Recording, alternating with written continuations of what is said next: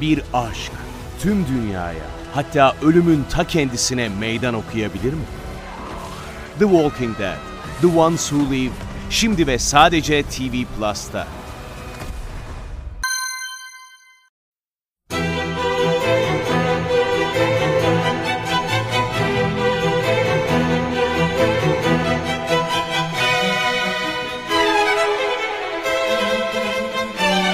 Herkese merhaba, Sinematris'te Görkem Öge ile birliktesiniz. Bu haftaki programımızda Altın Küre ödüllerinden bahsedeceğiz. Bu yıl 80.si verildi Altın Küre ödüllerinin ve Oscar'ın habercisi olarak görülüyor genellikle. Her yıl Ocak ayı içerisinde veriliyor ve bir önceki yılın Oscar'lardan önce diyelim son bir özeti anlamına geliyor. Mart ayında Oscar ödülleri veriliyor. Hep bu sorulmuştur. Hani biraz geç değil mi aslında? Neden bu kadar bekleniyor diye. Neticede yıl bittikten 3 ay sonra veriliyor. Onun temel sebebi 2 yılının son haftalarında gösterime girebilecek filmlerin bazıları uzun süre gösterimde kalırlarsa onların işte Ocak ayına, Şubat ayına hatta Mart ayına kadar gösterimleri devam edebiliyor. Salonlarda ya da televizyonlarda, kanallarda kalabiliyorlar. Hasılat rakamları da ya da filmlerle ilgili insanların, sinema severlerin, sinema yazarlarının görüşleri de biraz olgunlaşsın. Hani filmler üzerine yorumlar netleşsin diye biraz bekleniyor diye düşünmüşümdür ben her zaman.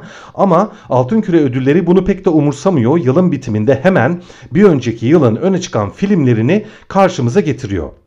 Şimdi Altın Küre ödüllerinin aslında tam olarak ne olduğunu bilmeyen dinleyicilerimiz için ben onu bir hatırlatmaya çalışayım. Çünkü akademi ödülleri gibi veya işte Cannes Film Festivali, Venedik Film Festivali gibi, Berlin Film Festivali gibi ya da Altın Ayı gibi değil o aslında Altın Küre ödülleri biraz farklı bir niteliği var. Ondan size bahsetmeye çalışayım. Bir kere Altın Küre ödülleri adı tam olarak Hollywood Yabancı Basın Birliği olarak geçiyor. 1943'te kuruldu bu oluşum. Bu daha çok gazetecilerin, gazete yazarlarının, köşe yazarlarının ve bir anlamda da hani buradan yola çıkarak söyleyebiliriz ki daha çok sinemanın ve özellikle televizyonun popüler tarafını, sinemanın popüler dünyadaki önemini bize anlatmaya çalışan yüksek oranda hasılat yapan geniş kitlelere ulaşan filmleri merkeze alan bir ödül bu. Diğer film festivalleri kadar nasıl diyeyim kuramsal ya da kurumsal bir ödül değil. Daha çok biraz daha eğlenceli böyle biraz daha dediğim gibi popülist yaklaşıyor sinemaya ve televizyon ödüllerine. Ondan dolayı da Altın Küre ödülleri biraz daha böyle işte kanallarda NBC'de her sene yayınlanır. Üzerine bol bol espriler döner. Hani onun da bir kırmızı halısı var tabii. Moda dünyası son derece ilgiyle yaklaşır Altın Küre ödüllerine.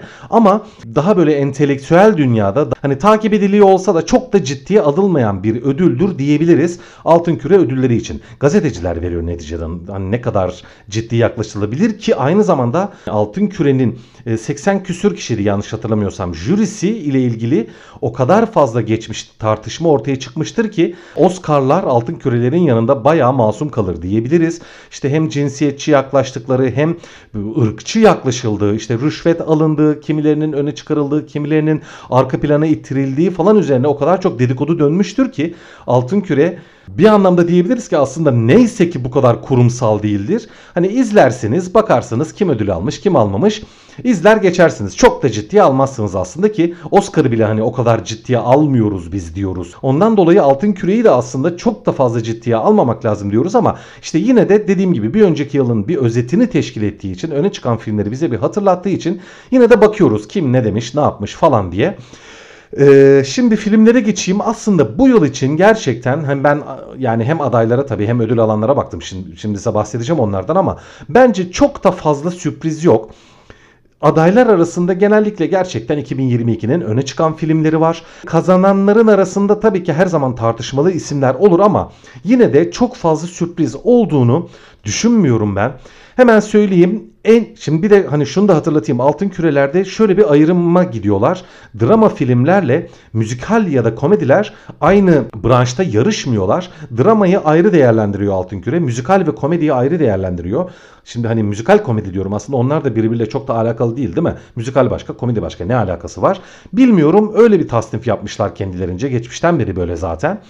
Şimdi 2022'nin Ee, en iyi drama filmi Steven Spielberg'in son filmi Fabelmanlar seçildi. Henüz Türkiye'de gösterime girmedi. Daha doğrusu bu hafta giriyor. Ben de izleyemedim filmi. Onun için yorum yapamıyorum ama diğer adayları düşünürsek bir tanesi Elvis, bir tanesi Avatar Suyun Yolu, bir tanesi Top Gun Maverick, bir tanesi de Tar filmiydi adaylar. Bunların arasından Spielberg'in son filmi sıyrıldı ki bu sene Spielberg'in e, Altın Küre'de en fazla en iyi yönetmen e, ödülünü alan yönetmen oldu Spielberg bu, bu filmle yani Fabelmanlarla ve Oscar'larda da ödül alınacağı ve en fazla Oscar alan yönetmen olacağı falan söyleniyor Spielberg'in. Bu yıl öne çıktı.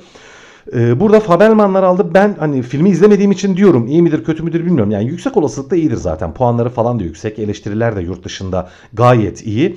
Ondan dolayı çok şaşırmadım diyorum Fabelmanlar için. En iyi müzikal komedi dalındaysa Banshees of Inisherin filmi en iyi film ödülünü aldı. Martin McDonagh'ın Martin McDonagh yakın zamanın parlak yönetmenlerinden bir tanesi. Geçmişte In Burgess diye bir film yaptı. Yine Banshees of Inisherin'de başrolde olan Brandon Gleeson ve Colin Farrell yine o filmde de başroldeydi. Yani bu yönetmenle artık bir ortaklıkları, bir dostlukları gelişti yüksek olasılıkla.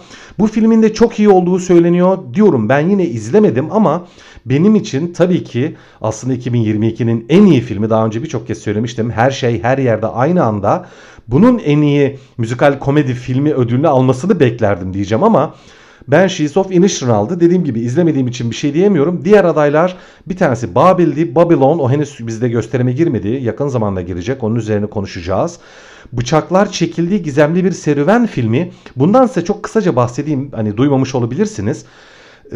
Geçtiğimiz yıllarda yılını şimdi tam hatırlayamadım ama Knives Out diye bir film yapılmıştı. Ryan Johnson yakın zamanın en parlak yönetmenlerinden bir tanesi diyebiliriz Ryan Johnson için.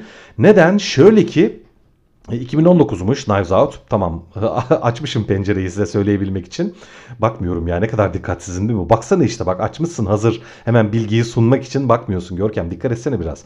Neyse Ryan Johnson e, Star Wars'un son üçlemesinin ikincisini çekmişti. Çok iyi bir filmdi bence o üçlemenin içerisinde de öne çıkan bir filmdi.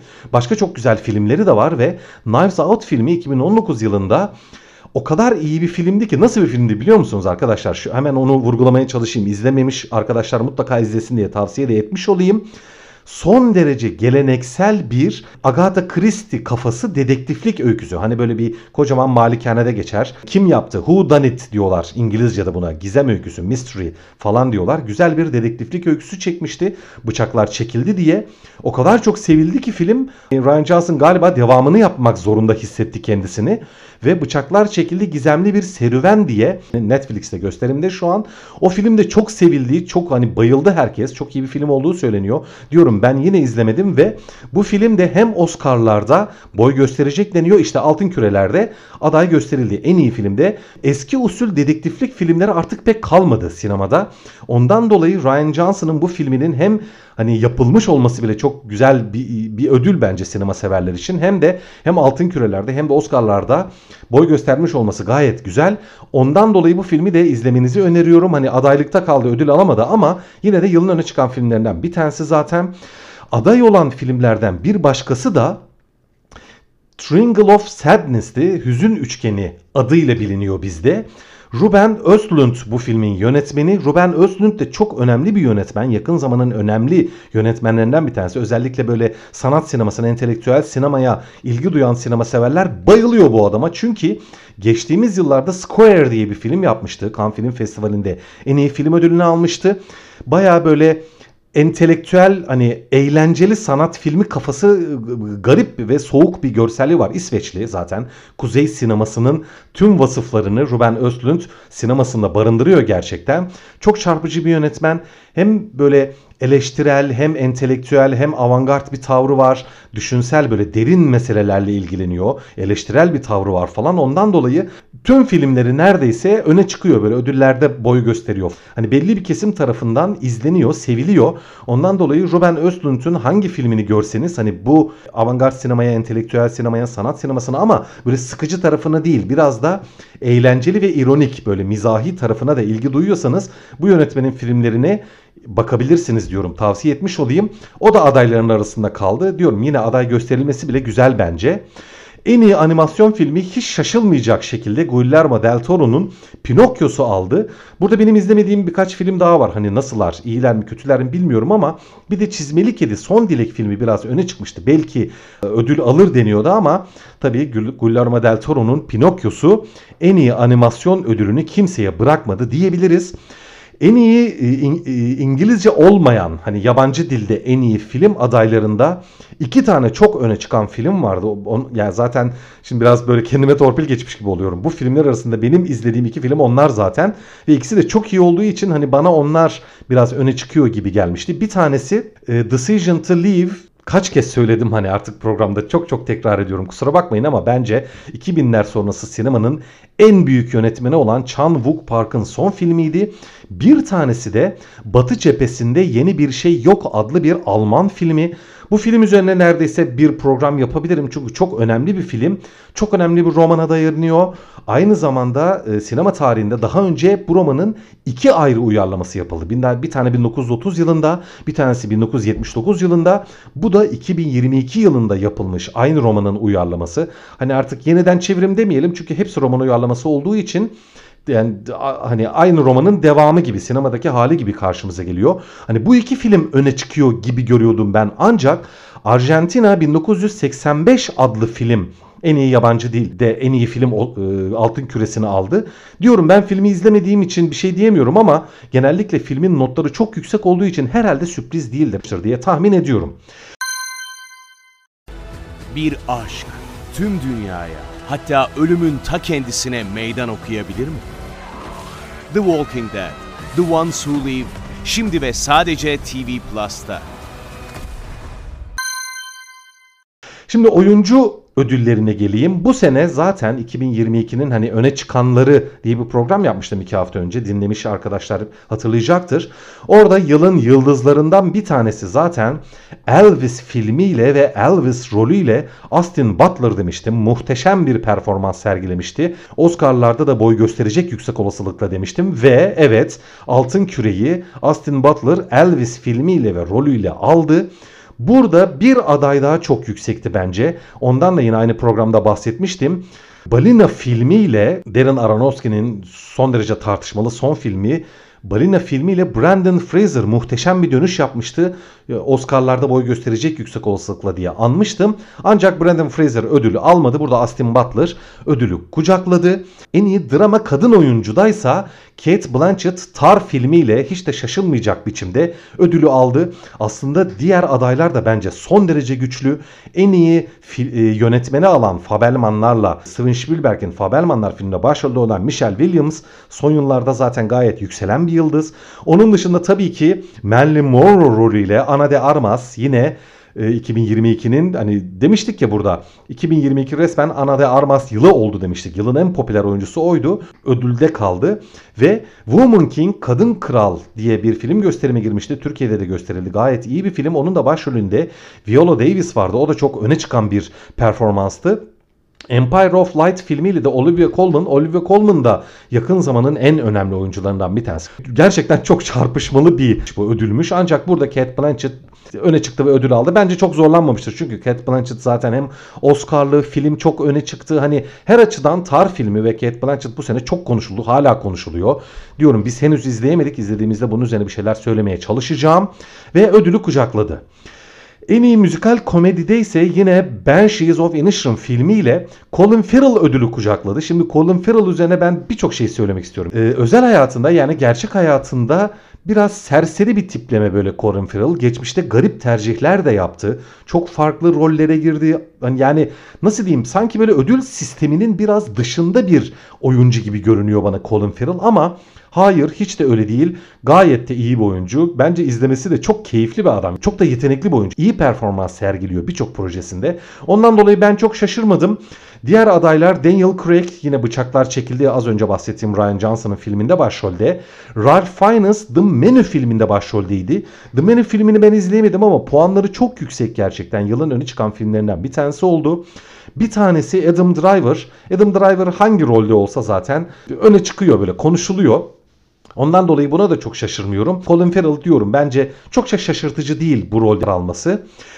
En iyi komedi müzikal dalındaysa yani gerçekten bence hiç şaşılacak bir şey yok. Michelle Yeoh Her Şey Her Yerde Aynı Anda filmiyle en iyi kadın oyuncu ödülüne ulaştı. Ve zaten The Time dergisi Michelle Yeoh'yu yılın ikonu seçmişti. Çok öne çıktı. Hani Michelle Yeoh bu senenin yıldızlarından bir tanesiydi. Ondan dolayı ödüle ulaşmasına ben hiç şaşırmıyorum. Bu ödül de aslında biraz büyük bir rekabetin döndüğü bir ödül olmuş.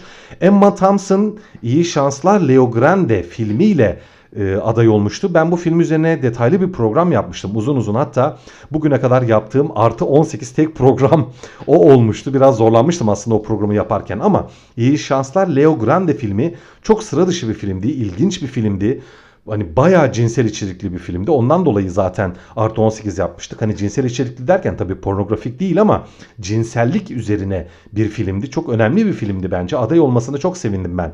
Emma Thompson'ın hani her ne kadar ödülü almamış olsa da. Bir diğer güçlü aday yine Babylon filmiyle, Babil filmiyle Margot Robbie'di birçok oyuncu Margot Robbie için hani hayatımda izlediğim en iyi performans falan demişti. Şimdi hangi oyuncu olduğunu hatırlayamadım ama Margot Robbie gerçekten bu rolde muhteşemmiş. Henüz diyorum izleyemedik ama yine adaylıkta kaldı. Anya Taylor-Joy yakın zamanın çok parlak e, sarışınlarından bir tanesi diyelim. Hem iyi bir oyuncu hem çok parlak bir oyuncu hem iyi filmlerde yer alıyor. Menü filminde yine az önce Ralph Fiennes'ın adaylığından bahsettiğim Menü filminde aday oldu.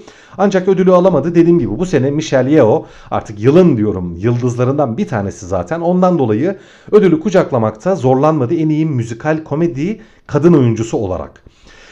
Ve en iyi yönetmeni de Steven Spielberg kaldı. Şimdi Steven Spielberg dediğimiz gibi yine hani aynı şeyleri söylemeyelim diyeceğim ama hani ne yapsa zaten konuşuluyor. Ödüllere mutlaka aday oluyor ve Steven Spielberg'in kazanması hiç kimseyi şaşırtmıyor. Fabelmanlarla da e, ödülü aldı gerçekten. De diyorum şaşırtıcı değil. Baz Luhrmann Elvis filmiyle adaydı. Alsa şaşırmazdık. Avatar suyun yoluyla James Cameron tabii ki adaydı. Alsa şaşırmazdık mı? Bence şaşırdık ya. Yani hani o kadar öne çıkmadı bence. Zaten Avatar hani koskoca bir külliyat artık. 3 tane daha film yapılacak falan. E, Avatar filmiyle zaten ilk filmle James Cameron'ın Oscar adayı olmuştu. Hani burada da ödülü ona vermeleri biraz abartılı oldu gerçekten. Banshees of Inishrin'le yine Martin McDonagh aday olmuş durumda.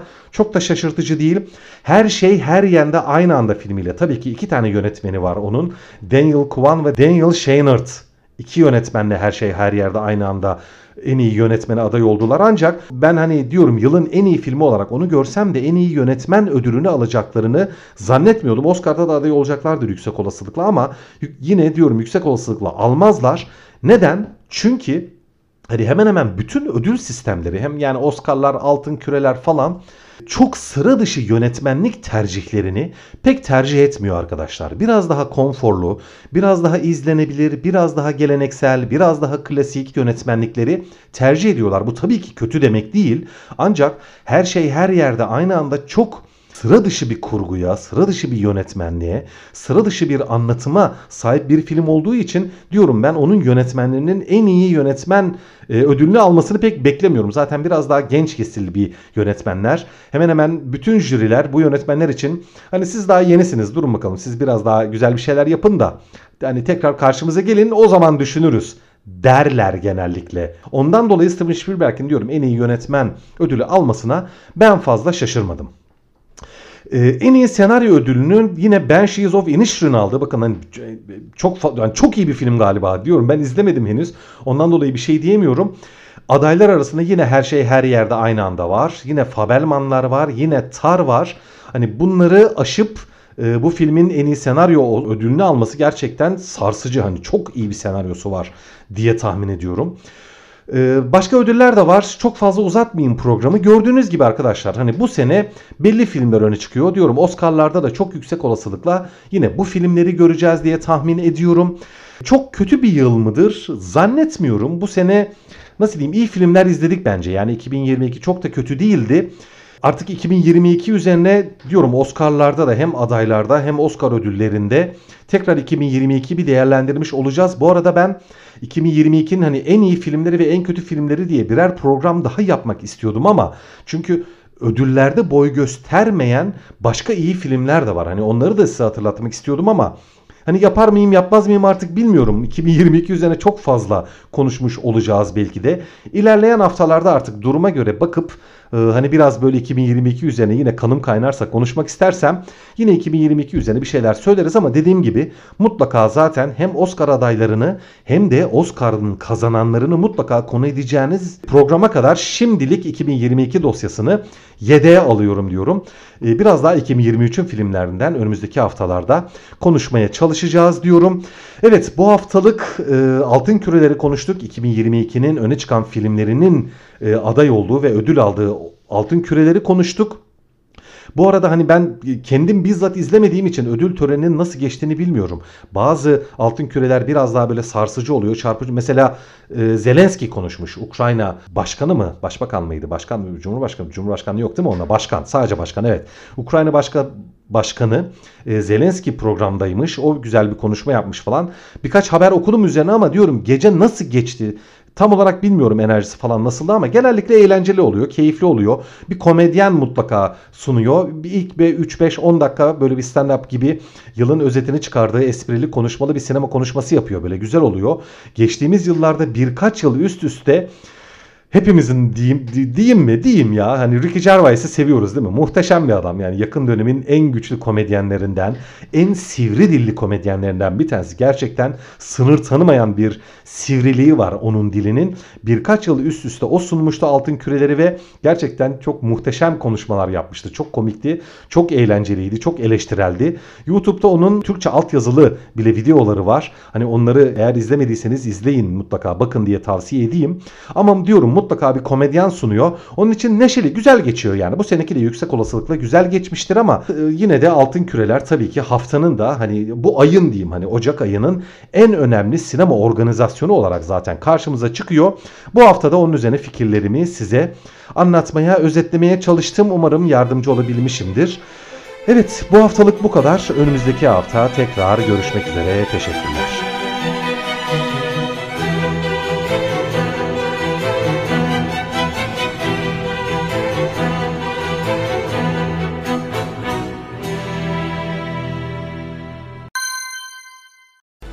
Bir aşk tüm dünyaya hatta ölümün ta kendisine meydan okuyabilir mi?